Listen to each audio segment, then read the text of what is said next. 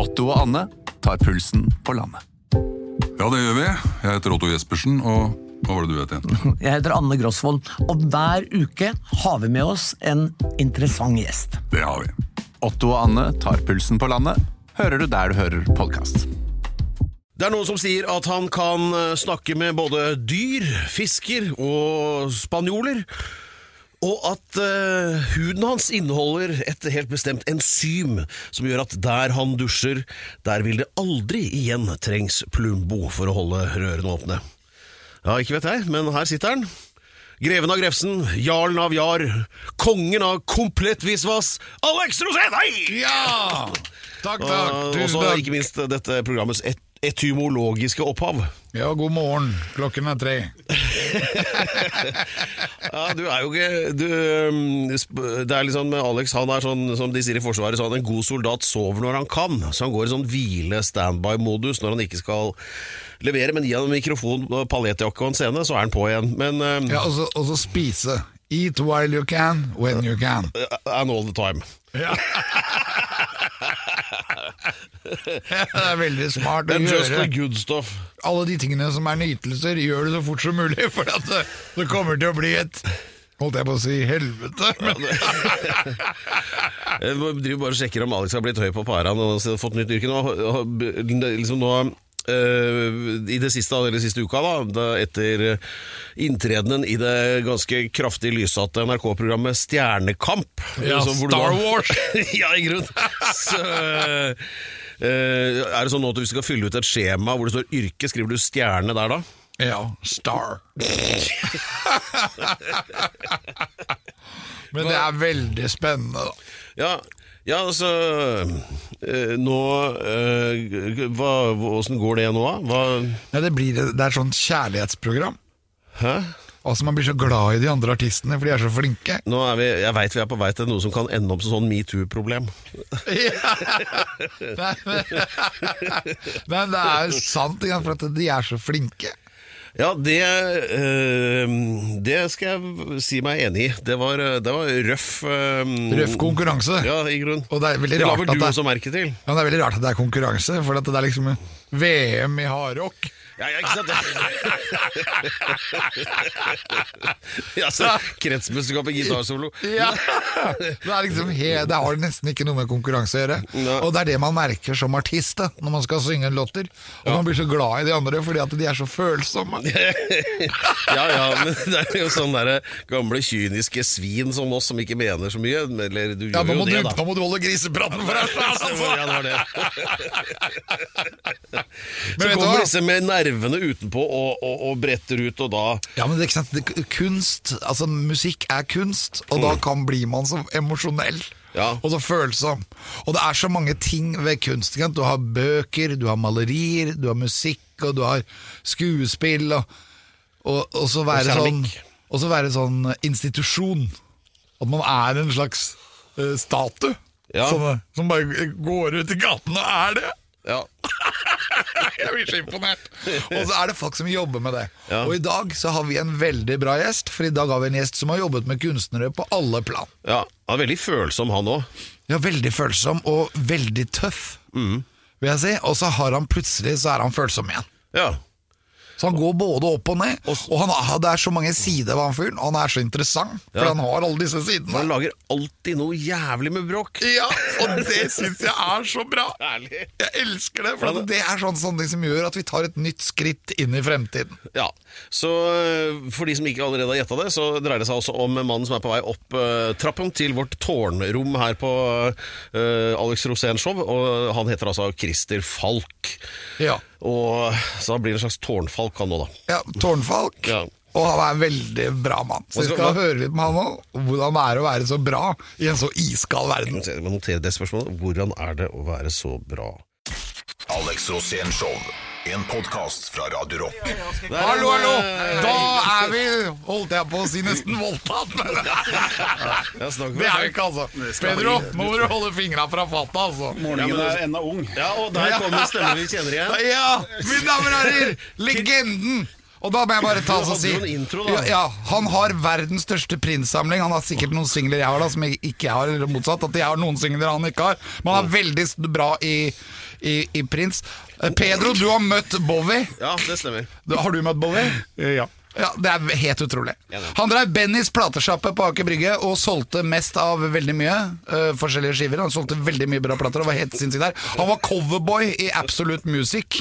Nei, Love Song Collection nummer to. Love, var det det? Ja, da lå Love Song jeg, Collection nummer to. Du er sånn loverboy. Ja. Han var første seierherre i reality-TV i Norge. Han vant Robinson-ekspedisjonen. Det er tøft. Han hadde bokforlag, men måtte legge ned. Da må vi spørre hva som skjedde der, for det veit jeg ikke helt. Koronarulling! I koronatider så har han begynt med koronarulling, og det er å hjelpe norske artister. En slags dugnad, har jeg skrevet opp her. Han gikk til frontalangrep på VG her om dagen. Det er dritbra, for det har jeg gjort altså. en gang. Eller ikke bare én gang, men er flere ganger. Og det er, det, men i gamle dager så var ikke det lett. Det skal jeg fortelle deg, for at de hadde alltid rett. Men i tillegg så hadde han tredjeplass i junior-NM i badminton. Det er så bra! Badminton! Men det flaue er at jeg har gått og sagt at jeg har tredjeplass i NM til alle, og så var det en som ringte fra forbundet og sa Kan du tone ned den skrytinga di? Så er det bare junior-NM, men da følte jeg ikke det var så kult. Så nå, jeg- nå snakker jeg ikke mer om det. Ja, men det er jo badminton. Det er jo fett. Det er sånn man driver med på hytta. Ja, ja. Men nå, nå du var vet det både, både, både gru, bra og bred informasjon, men du har ikke sagt navnet ennå. Nei, for her er han, min damer og herrer, Christer Falk! Ja da! Du sa det jo fire ganger før vi begynte, da, så det er greit. Ja, ja, men ikke sant, vi hadde ikke kommet så langt. sånn, ja. Vi må, vi må, lyttere har litt tungt for det, skjønner du. Men det er badminton jeg må ta av det her, altså, for badminton er verdens største sport. Det er den sporten hvor flest mennesker i verden spiller. nei, det er faktisk volleyball. Nei. Det er badminton. Ikke aktivt. Badminton har gått forbi nå. Registrert uh, bruker jeg det langt foran volleyball. Oh, ja, yes. så bra. Så- Det er og jo der var jeg nummer tre. Hvor ligger fotball i verden. den? Fotball er sånn femte eller sånt noe. Ja, men du var nummer tre i verden.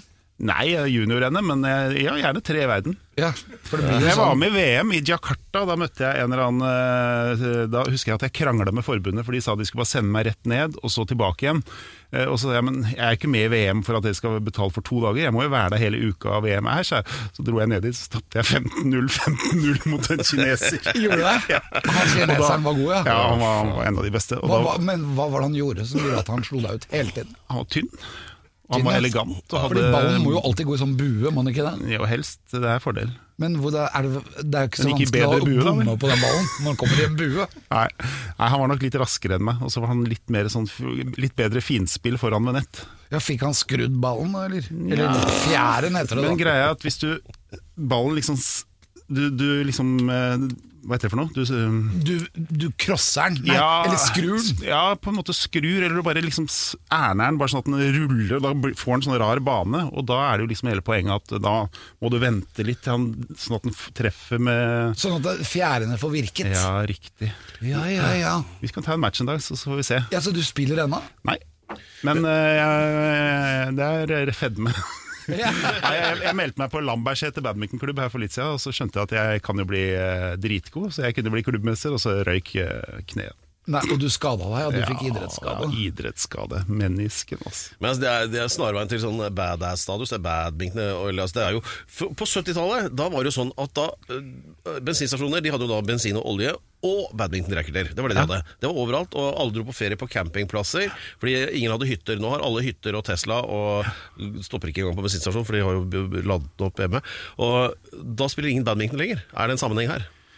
Jeg vet ikke om det var badminton, det de, de racketene på bensinstasjoner og sånt. Det var bordtennis. Det var noe, det var noe litt sånn uh, fattigmannsgreie, men vi spiller jo med ordentlige karbonracketer som veier, veier ingenting. Vet. Og så har du jo uh, fjærballer, ikke de plastballene som går eh, alle veier. Så det er ganske sånn krav til Med eh, ekte fjær. Ja, ekte gåsefjær. Ja. Vi, uh, det blir ikke bare sport i denne sendingen. Vi, eh, det er, eh, det, I dypeste alvor så skal vi gå gjennom en sår og betent sak fra norsk musikkliv. som, og Christer Falk har laget bråk igjen. og Vi må bare høre åssen det gikk. Vi har til og med fått påpakning fra vår ledelse her at nå må vi holde oss i skinnet, for at her er det noen regler, presseetikk og Ja, greier. Vi, har, vi må forte oss å lese det, for vi er snart tilbake og skal begynne, Alex. Og du må også se det derre Vær varsom. Ja, for Forrige gang så brøyt vi presseskikken fire ganger innen ett minutt. Ja, det, det var skal forrige ikke skje gang, igjen. Bare vent. Ja, da, Hva var det da blir det fem, ikke sant. Så. Ja, da blir det Alex, hold tåta. Vi er snart tilbake. Ja, dette er altså det relativt velrenommerte podkastproduktet Alex Rosén Show. eh, Og vi har besøk av eh, norsk populærkulturs egen eh, Machiavelli. Christer Falk, som han klarer alltid å lage noe bråk, vet du, Alex. Men jeg Jeg tror, ikke, jeg tror ikke det er noe vondt i den. Nei, nei, nei. Det var mye vondt her, skal jeg love deg. Det er ikke, kødder ikke med meg. Men kan ikke vi nå bare ta den der som For det siste vi hørte om, det var jo det altså at eh, VG hadde funnet det for godt å skrive om din eh, virksomhet innafor forlag, var det. Og så Ja, eller jeg gikk skikkelig på snørra i fjor. Og Ja. um, økonomisk, jeg hadde to festivaler og 30 konserter og ti hjelper og ti bøker eller noe sånt som jeg ga ut. Og noen ganger så går det bra, hvis uh, du er liksom avhengig av at en viss prosent av det går bra, og da går det bra. Men i, i fjor tror jeg alt jeg gjorde gikk sånn enten dårlig eller middels. Ja, Og shit happens, som det heter. Ja, da, og med festivaler og sånt, at om du taper en halv mil, var en halv mil jeg gikk i minus. da. Hvor mange festivaler går med overskudd? Ja, nei, det er det. Men det, var liksom, det er alltid et eller annet Når jeg gjør noe litt bra, så er de ikke så hypp på å skrive. Men hvis det går litt dårlig, eller hvis det er et eller annet negativt, sånn, så elsker de å skrive om meg. Ja. Og det er for så vidt greit. At, eh, det ikke, jeg kan ikke bestemme hva som skal på trykk, men det som var poenget, var at han begynte å fikle med de tallene han fikk, for at det skal se enda dårligere ut, enda jeg hadde da skriftlig kommunikasjon. Og da tenkte jeg vet du hva, nå gidder jeg ikke mer med han fyren her. Det er jo da en mann som vi kan holde anonym, da, så slipper sjefen deres å komme inn. Men la oss kalle han for eh, Kåre. Kåre. Det som da skjer, er at eh, jeg lager et Facebook-innlegg hvor jeg er ganske forbanna. Fordi at jeg tenker at eh, du, greit at du ikke liker meg. Jeg har hatt en liten beef i 20 år eller noe sånt. Og en person som ikke har vært så veldig begeistra for meg, har skrevet stort sett negativt om meg. Eller alltid negativt om meg, bortsett fra at han ga meg en femmer for en bok jeg ga ut, men det hadde jo vært en sekser. Så jeg tar det som en disse også.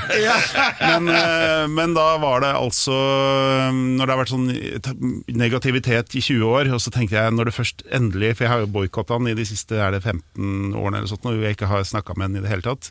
Og da tenkte jeg at når det er økonomi, så tenker jeg ok, vi får ta det litt seriøst. For det er sånn at det kommer fram, sånn at det ikke ser som I hvert fall svare på de spørsmålene som kommer inn. Insistert på å få det skriftlig, selvfølgelig. Og og skrev liksom at men hvis du kødder nå, så veit du at nå har jeg maildialogen. Her er liksom alle fakta på bordet. Så ja, jeg har ikke noe problem. Bare skriv hvis du vil på Facebook. Hvis uh, du er fri til å skrive som du vil. Hva, hva er det med deg som gjør at du, du har en sånn egen Men vet du hva, nei forresten, vi hopper over det. Uh, la, ta heller dette, dette litt sånn kommunistisk, eh, deilig demokratiske ved at den, uh, altså, produksjonsmidlene tilhører arbeiderne nå, dvs. Si publikasjonsplattformer som f.eks. Facebook. da. Det hadde man jo ikke for, i samme grad for bare 10-12 år siden. ikke sant? Og da har man jo muligheten til å komme med tilsvar og publisere på sånn bred front. Eh, det er jo på en måte skummelt, og så er det jo egentlig litt deilig. Eller hva tenker du om det? Jeg synes, Nå er jo dette her sånn det skal være. Fordi at øh, Jeg husker for 15 år siden, så jeg vet ikke om du husker, jeg, jeg kjøpte meg inn på VG-lista. Jo, du dro og kjøpte singler over hele byen. det glemte jeg å- ta i Og det er en ganske kul greie. Altså, vi lagde en dokumentarfilm som viste hvor lett det var å kjøpe seg inn på VG-lista, sånn at kanskje da VG og IFPI, som er da høyeste organet i Musikk-Norge, skulle da finne ut at oi, kanskje vi må gjøre om på reglene litt, for her er det noe som skurrer litt. Fordi at det viser seg at i mange år, i alle år, har de store plateselskapene kjøpt seg inn på VG-lista. Dette er noe som alle vet, og på en måte alle har innrømt i ettertid, selv om det var sånn Ja, men det var da. Altså, ja, men det skjer fortsatt, på en måte. Men greia var at uh, VG-lista hadde ganske mye makt i gamle dager, og når jeg lagde den dokumentaren da, så fikk jo VG helt hetta og spæda ordentlig, og i tillegg plateselskap, folk klikka jo på meg, fordi de ble så forbanna for at jeg ødelegger eh, og troverdigheten til den eneste norske hitlista. Så det som skjedde var at eh, VG kjører, er det eneste som kjører masse saker på dette her, og istedenfor da liksom å være Ja, ok, vi er kanskje har litt huller i denne lista, så var det sånn Christer Falk tatt i juks, var overskriften. Så tenker jeg jeg ble jo for så vidt tatt i juks, men jeg lagde jo en dokumentar, så det var liksom ikke så vanskelig å ta meg for det. Men når det blir tatt i juks, så er det ganske sånn Og da begynte mora mi å ringe og sånn 'Christer, hva er det som skjer? Har du, har du, har du juksa?' Og så, liksom, og så var det bare peisa de på med nyheter, og så var det sånn 'Ok, jeg vil gjerne gjøre et intervju om dette her', når dere skal liksom være, ta den praten. Så gjorde jeg et kjempelangt intervju om da VG-lista og alt mulig sånt noe. Og så ender det med at jeg sier men det er jo viktig å ha en VG-liste. Er VG-liste er jo viktig, sier jeg, for, det er jo, for meg er det gøy med hitlister og sånt noe. Ja. Og da hadde de tatt vekk hele intervjuet mitt, bortsett fra Og Christer Falk innrømmer at VG-liste er viktig. Det er en deilig følelse når noen tenker på deg.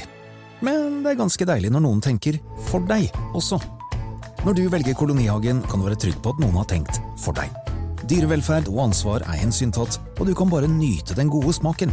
Derfor har vi i Rema 1000 et stort utvalg av økologiske kvalitetsprodukter fra Kolonihagen til en lav pris. Rema 1000 Det er sluttsummen på valgene vi tar, som teller. Alex Rosén Show podkast. Ja, Ok, så vi- ba, ba, ba, ba, ba, ba, ba. Pedro, vær så god. Jeg glemte fanfaren din. Eh, Det var eh, dette programmet som hva, hva det kom fram til. Et, etymologiske opphav. Eh, Vi Vyrde Alex Rosén der. Og, og, eh, og nå har han jo da begynt å fylle ut uh, Vi har besøk av Christer Falk. Hei, hei. Falk! Og, som, eh, er det, dere, er, dere to nå er jo noe slags sånn der, Dere er samme sted i helga, i hvert fall, fordi det er Stjernekamp nå. Alex da Ja. står og gjør seg til på scenen, mens Christer Falk står bak og dirigerer Odd Einar. Er det ikke sånn det er, da? Er i kulissene. Ja, ja, ja. ja. du ja. Og Alex har begynt å fylle ut på sånne skjema hvor det står yrke, så skriver han nå stjerne.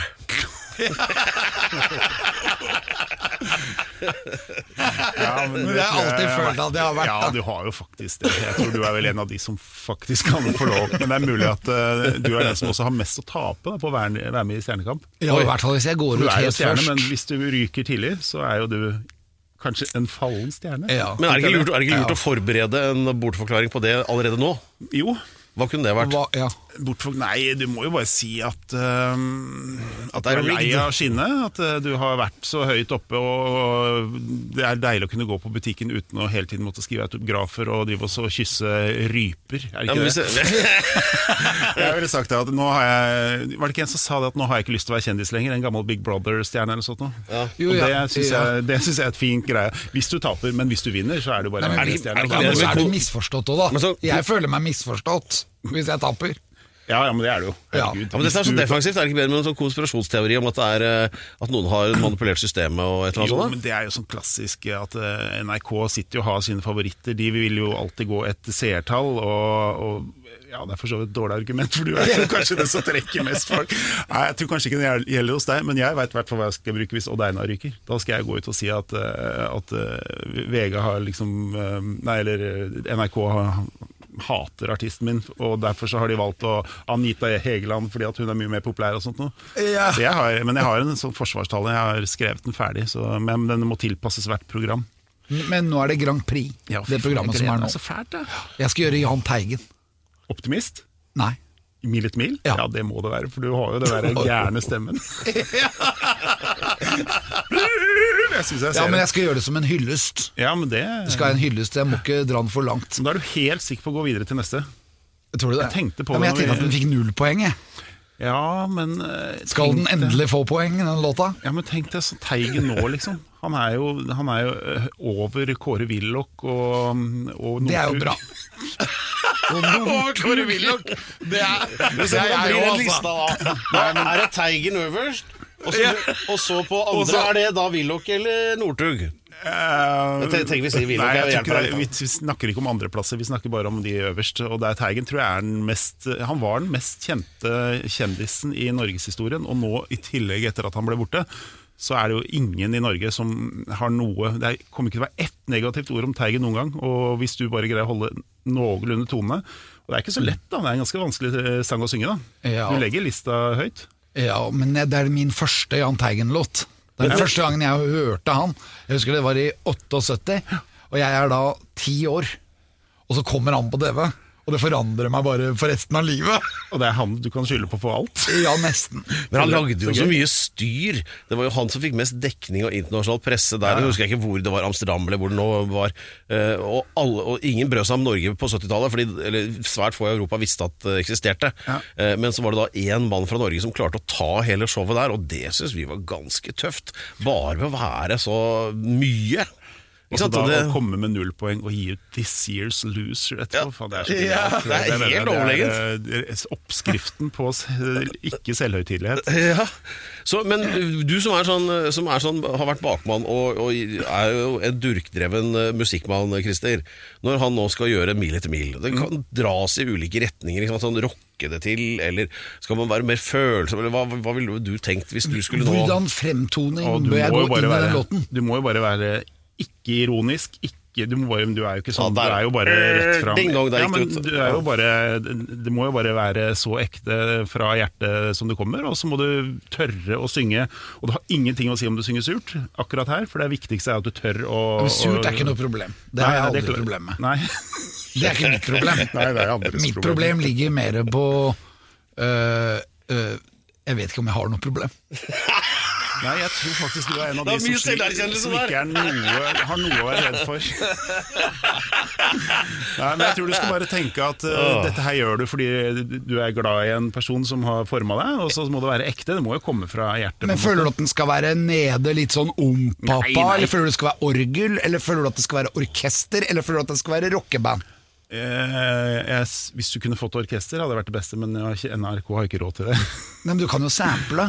Samplet orkester, det tror jeg er litt fattigmanns. Men eh, nei, jeg tror du skal kjøre ganske Jeg ville kjørt ganske likt originalen, for det er jo kanskje det som er det mest hyllest man kan gjøre. Men originalen er jo egentlig med orkester. Ja. Men da må han derre Dal Dahl fikse det. Ja, han man fikse blåsere. For dette er veldig Ja, for flott med blåsere. Ja, ja. Men har du hørt Anita Skorgan sin versjon, som er helt nede? Ja, det er jo veldig flott. det var veldig Men det var så riktig timing, for det var jo så kort tid etter og sånt. Så den tror jeg, Men jeg tror ikke du skal ned der. Ja, men, det men jeg tenker på sånn world-music og litt følelser funker på Stjernekamp. Men da må du ha stemme vet du, som bærer det. Ja jo, når du sier det. Ta, den linja. Det er langt å gå, det er lengselen som driver deg. Bare for, kom igjen, få høre. Nei, nei, det er ikke Nei, nei, nei. Den Det begynner er eh, langt Jeg vet den ikke begynner sånn, men Hvil deg nå, du er sliten. Dette er Alex Rosénshow, og vi har besøk av Christer Falk. Og nå skal du høre at det er eventyrstund her nå. Det er noe vi eh, har Det er liksom selve krumtappen i det showet, hvor Alex deler en historie fra sitt mangslungne liv. Eh, og dem er mange av. Og hva er overskriften i dag, Alex? Overskriften i dag er bråk og slag, slagsmål. slagsmål. bråk og slagsmål! Jeg går ikke av veien for et slagsmål, for å si det sånn. Ja. Ok, nei da Jeg har marshmallowsen og pleddet klart, så vær så god. Ja, det, det handler jo egentlig om eh, journalister. Jeg hadde jo veldig mange konserter eh, Eller egentlig jeg har hatt veldig mange konserter helt fra jeg begynte, eh, tidlig på 90-tallet. Og da fikk jeg jo alltid dårlig kritikk. Hele tida. Uansett hvor jeg spilte. Jeg husker en gang så hadde jeg slagsmål nede i Drammen, og da gikk jo alle alle gikk ned. Jeg sto utafor der med casen min, og jeg tror jeg tissa på meg omtrent, altså, for det var så mye bråk. Og dagen etterpå så var det null stjerner i VG, og da sto det 'Alex Rosén, bare bråk'! og det var det vi drev med. Vi drev jo med hardcore og rock'n'roll, så egentlig så var det jo bare bra. For jeg tenkte jo bare sånn at alt var misforstått hele tiden, og at det stort sett var bråk med meg. Men det jeg tenkte var mitt råd til deg, da, når du krangler med alle disse her eh, journalistene, det er noe som vi gjorde i Go Go Gorilla.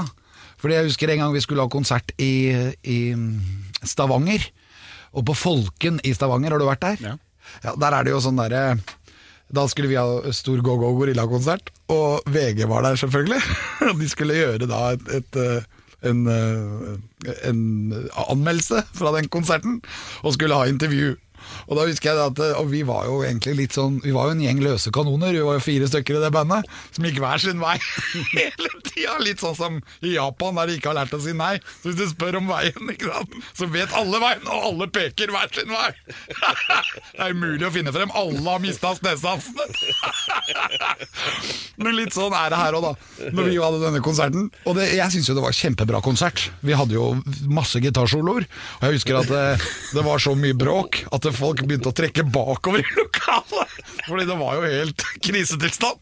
Men etterpå så skulle VG intervjue oss, og i gamle dager så gjorde vi Da gikk vi ikke på Facebook. Da husker jeg at vi kom opp, og så kom han VG-journalisten, og så sier trommeslageren min, han surra med meg, 'Hvem er han?' da står han der og sier 'Det er VG'. Bang! Så kliner han til han VG-journalisten. Så han går jo for det, I gamle dager så løste man ting med nevenes makt. Ja, ja. Og siden han var fra VG, så hadde vi jo da fått så mange dårlige kritikker. Så det var ikke spørsmål om hvem han var engang. Han fyren ble bare slått, slått rett ned. Og hvis du husker backstagen Husker du backstagen på, på Folken? Den er jo oppunder taket. Så du må jo gå opp en sånn stige. Så han journalisten han ramler ned hele den trappen. Og da husker jeg sånn at Oi, hvordan blir denne anmeldelsen her? Men han ramla jo ned fem meter, ikke? Det var jo livsfarlig. Så jeg kommer ned og, og tørker litt støv av han og sånn, for han hadde jo masse eh, skrubbsår i panna og sånn. Og dagen etterpå så sto det stor overskrift i, i VG, da. Bare den der ny sånn hvor terningen ikke hadde merke. Null! Det var ikke én! Og så sto det bare 'Alex Rosén, dette var bare bråk!' Og det var andre eller tredje gangen jeg fikk den anmeldelsen. At det bare var bråk. Så man løste jo Det sto ingenting om at han fikk deng? Nei, nei, nei, han kunne jo ikke skrive det. Nei, nei. Han skrev jo bare at dette var veldig dårlig. Så han hevnet seg på meg, da. Det det var en sekser. ja, det var det, faktisk. Det, jeg har aldri hatt en bedre konsert. Nei, det ser du. Alex Rosén Show. En podkast fra Radio Rock. Dette er Alex Rosénshow i dag med Jeg velger å kalle det Stjernekamp-duoen, er på et vis, for dere er jo involvert i det begge to. Alex Rosén og Christer Falk. Førstnevnte som uh, artist, sistnevnte som uh, eh, hva- Ja, hva heter det? Manager? Impresario. Impresario, ja, det Ja. liker jeg veldig godt. Ok, ja, for uh, Odd Einar, ikke sant? Hvordan kom du på å bruke den Otis Redding-sangen, forresten? Uh, mye fram og tilbake. Vi skulle egentlig gjøre noe Prince-greier, men greia med at når han gjør Prince, så låter han akkurat som Prince. Han er en av de få som synger Prince akkurat sånn som Prince gjør. Wow. Og da følte vi det kanskje ble litt mer karaoke, så vi fant ut at eh, røttene til Odd Einar er soul. Ja. Og hans aller første soul-plate og den første artisten han liksom elska, var Otis Redding. Akkurat den låta kunne det jo vært egentlig hva som helst, men eh, vi liksom, eh, prøvde å tilpasse oss litt hva de trengte i programmet òg, for de ville gjerne ha noe uptempo, for jeg tror det var mye ballader. Ja. Eller i hvert fall sånn eh, Forresten, eh, midtempo. fu- fun fact om han. Uh, på, jeg jeg lurer på om det ikke er på det der Stax-museet i, altså i USA. så uh, Den storselgeren, den mest solgte videoen der, vet du hvor den er spilt inn? Altså Med Otis Redding, da. Njålhallen? Riktig. Ja, for det var så god kvalitet på opptakere, for NRK filmet det. Ja, ja. Men eh, ja, det var noe, noe helt annet. Eh, hva driver du med om dagen, eh, Christer Falk? Herregud, nå driver jeg med mye rart. Nå, mm, Akkurat nå har jeg en digital jazzfestival som er ute. Som jeg har plukka ut 15 av de aller største jazzartistene i Norge. Som jeg har lagd en strømmefestival som nå går for fulle mugger i Norge. Som nå skal eh, ut i andre land snart, for vi da geoblokker det. Sånn at folk i Japan f.eks. Uh, setter opp en festival i Japan, så kan alle i Japan kjøpe tilgang til disse 15 konsertene uten at de behøver å reise og alt mulig sånt. Så det Hvordan går det? det går ganske bra i Norge, og så har vi åtte land det skal ut i i tillegg. Og så håper vi kanskje å få solgt noen videoer til NRK, og litt asiatisk TV har vært interessert i videoene. For det er skitbra opptak, og det er liksom langt over eh, det man har sett av strømming til nå. Vi lagde jo den koronarulling-konsertserien fra Sentralen, hvor vi lagde nærmere 100 konserter nå. Koronarulling. Koronerulling. Kor Korone-. Korone. Men eh, koronerulling eh, Og der fikk vi jo inn sånn fem millioner kroner eller sånn til artister nå bare i mars og april. Det var nesten 20% av hele Kulturrådets eh, koronabudsjett. Så det var liksom, tenkte vi shit, det her er jo en god idé. Eh, måtte slutte med det fordi vi fikk ikke noe særlig støtte til å drive det videre. Men vi hadde funnet en modell da, som gjorde at for hver krone vi putta inn, så gikk fem kroner tilbake til artist. Men det var ingen som var interessert i å betale den krona, så da måtte vi bare slutte med det. Og det er litt spesielt. Og Ellers så driver jeg med masse annet. Jeg holder jo på med Odd Einar. Jeg skal slippe plate med han eh, i oktober-november. Holder på med Bendik Hofseth, en gigantisk eh, jazz eh, bærekraft treprosjekt. Ganske Tre? sjukt. Ja, det handler om trær. Og så skal vi sette opp nye konserter nå, strømmekonserter framover. Og jeg, jeg vet ikke. Jeg, jeg høres ut som du må holde på litt med meg også. Ja. Vi tar en prat på kammers etterpå. Jeg tror det, for jeg må også drive litt koronarulling. Ja, Ja, det, var det, du, det var det du hogde deg opp i, ja? Men hvilket Ja. band er du Du spiller fast i et band nå? Ja, The Young Dudes. Ja, Alex Rosén and The Young Dudes. Jeg spiller ja, med på- to-tre ganger i uka. Jeg har gitt ut låt med deg, vet du. Har du det? Ja. Hvilken da? Det veit du. Og det er på den der Ja. eh, Raga Raga-samlingen? Ja, men du har gitt ut flere låter med meg, du. Ja, faktisk. Ja, for du har gitt ut også på Paolo Vinaccia. Ja, stemmer. Husker du det? var med på Det var fan- inn i den derre persona Nei, Ja, den svarte boksen. Ja, stemmer. Utrolig bra boks. Og der er jeg med med Talk to me. Stemmer. Og det er Paolo Den- som spiller trommer der. Og det var en sånn uutgitt versjon av Talk to me, var det ikke det? Jo, for den har aldri vært gitt ut. Og den er gitt ut bare på din. Så du burde gi ut den i singel også, så jeg kan spille den. Da har vi så mye ting vi kan prate om etterpå. Ja, vi har det. Vi har mye mer om, faktisk. Det har vi. Men eh, da skal vi bare ta og gå videre, og vi skal snakke om bokhandlere, men først så er det noe annet bedre òg. ja, det at vi skal gå videre. Snart. Ja, og at vi kommer tilbake. snart. Prøv, prøv det. Liksom. Og vi skal videre snart. På, Vi, du hører jo på Alex Rosénshow på Radio Rock. Gjest er Christer Falk. Programleder er Pedro Gianfranto la Hustados. Og vi er tilbake om kun kort tid. Ja, ok, Pedro Gianfranto la Hustados, du er programleder, så du må si velkommen tilbake. Velkommen tilbake til eh, Alex Rosénshow. Eh, Og eh, vi har besøk av Christer Falk, som har mange baller i ilden og jern i luften, som vi hørte. Og, men hvis vi skal bare se litt fremover, da. Hva, har du som sånn prosjekt, Christer, som du skal få til sånn en eller annen gang? Eller finner du på bare sånn underveis? Du hva, Jeg har veldig lite sånne planer. Jeg, jeg hiver meg bare på ting. Og så av og til blir det litt mange ting på rappen, og da, da straffer det seg litt. Men uh, som regel så er jeg bare synes det kaster meg inn i nye ting hele tida. Det er veldig bra, og det gjør jeg også egentlig, så den kjenner jeg meg igjen i. Men hva er det som driver deg? Jeg tror det som jeg syns er gøyest når, alt, eh, når jeg har gjort en ting, eh, enten om det er en sånn stor konsert eller jeg hadde en sånn festival, jeg har jo noen festivaler som jeg lager, eh, og det, den følelsen av at uh, siste artisten går av scenen, og du kan se litt rundt deg, og at det er jævlig god stemning, og at folk ser på hverandre, og ser, du ser dette var vellykka, da får jeg en sånn herre Yes! Og så går jeg hjem, legger meg, og dagen etterpå så er det helt glemt. Men akkurat den følelsen av å liksom rydde eh, gjerdene vekk fra festivalen mens det er folk som klapper deg på skulderen og sier 'fy faen, dette her var vellykka', det, og det gjør jeg jo også istedenfor å gjøre et stort prosjekt. For jeg, jeg er veldig sånn sucker for disse øyeblikkene etter at ting er ferdig. Så da syns jeg det er veldig gøy å lage 100 prosjekt i løpet av et år, hvor du liksom får mange klaps på skulderen. Så du føler deg mer som arrangør enn manager, eller? Ja. Jeg har aldri vært er mer rådgiver. Jeg har, aldri jeg har vært manager, såkalt manager for mange artister, men jeg har aldri tatt penger for det. Jeg syns det er mye gøyere å bare hjelpe til. For jeg syns at det besudler litt når man tar penger. Altså, du er, du er sånn snill, da. Ja, litt snill, men det er klart at jeg vil jo gjerne, at, jeg vil jo gjerne tjene penger på en artist på andre måter, men å ta liksom prosenter av liksom noe de har Jeg syns det er gøy å drive plateselskapet til en artist som gjør det bra, for da selger jeg også plater, eller kanskje booke en turné for en artist, for da tjener jeg penger på det. Men liksom sånn å Det høres ut som jeg må ha deg som manager, høres ut som nå. ja, så det var et innsalg, da. Hvor lang tid han bruker på å pesse opp på et helt annet tema her. Det er lengselen som driver meg, skriver jeg her. Men du, eh, og så er det en ting til før vi avslutter her, og det er uh, bokhandleren er blitt klin gæren. Ja, nei, det har vært klin gæren i, i mange år. Og jeg trodde, når jeg starta eh, bokforlag i 2009, at eh, nå skal jeg revolusjonere bokbransjen. Så jeg lagde da en quizbokserie. Jeg lagde først fem quizbøker som het Quister. For det syns jeg er fryktelig artig. Jeg lagde et TV-program som het Quister, som aldri ble kjøpt. Men jeg hadde liksom kjempeplan om å bli nye quizkongen. Og det er også sånn en idé man bare får, og så plutselig så blir det eh, liksom hovedgeskjeft eh, i flere måneder før jeg skjønner at dette ikke funker. Men da hadde jeg altså quizbøker som ble kåra til årets beste quizbøker i jeg vet ikke om det var Aftenposten eller til og med VG, for den saks skyld. Det var, sånn, det var ikke noe tvil. I tillegg til det så hadde jeg da bakt inn ganske mye av lønna mi fra Robinson på TV3 til å lage en TV-kampanje på disse fem bøkene. Sånn at det skulle liksom bli ordentlig trøkk. Og liksom alt lå til rette. Jeg var den kanskje den mest kjente av de som skriver quizbøker, for det er jo stort sett bare nerds som skriver, som ingen har, ikke har navn på engang. Så da kunne jeg faktisk gå rundt og være en levende reklameplakat for disse quizbøkene.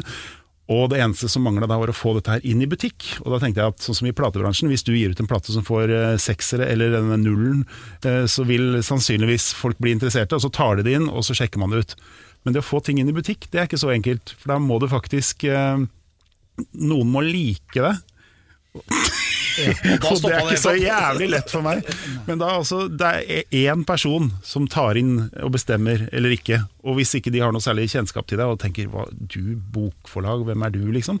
Så kan det hende at de tar enten inn 5000 bøker til alle butikkene, altså 100 arkbutikker eller Nordli eller Tanum eller sånt noe, eller så tar de null. Og jeg trykte opp liksom 5000 av hver av bøkene, for dette skulle gå dødsbra. Jeg hadde jo verdens største plan, men jeg visste ikke at jeg måtte gjennom et hinder, at det var én person. Og jeg var litt, kanskje litt sånn cocky når jeg mm, sendte meldinger og ikke la meg paddeflat, for det er det man skal gjøre i bokbransjen. Man skal liksom se på denne personen som Gud, helst. Innkjøpssjefen. Å, herregud, dette blir spennende. Og så, Og så er det en løk. ja, er, ofte er det, det er veldig mye løker. Det er jo sånn det er, fordi de tenker jo Men greia altså, med bokbransjen er jo sånn at eh, alle de store forlagene i bokbransjen eier jo også eh, bokhandlerne. Bokhandlerne sine. Eh, eller bokhandlerne. Så det vil da si at hvis jeg kommer inn kan, Du kan se på det som en sånn pedoring. da. At eh, de har det veldig fint inni den pedoringen. De gjør masse ting som kanskje er litt ulovlig og Det er ikke bra så at du, at du tar det eksempelet. Ja, men det er jo det det er. Og så kommer da en person inn, kall meg gjerne en politi, som kommer inn, og inn i denne pedoringen for å bryte opp og lage litt røre. Det er klart, de gjør jo alt de kan for å stenge meg ute fra denne ringen sin. Dette her høres jo nærmest ulovlig ut. Ja, jeg vil si det er ulovlig. Jeg syns det er helt utrolig at ikke, at ikke de har blitt tatt. Men det er jo, de bruker jo enorme summer på Men her er det vel gamle regler som henger igjen, er det ikke det?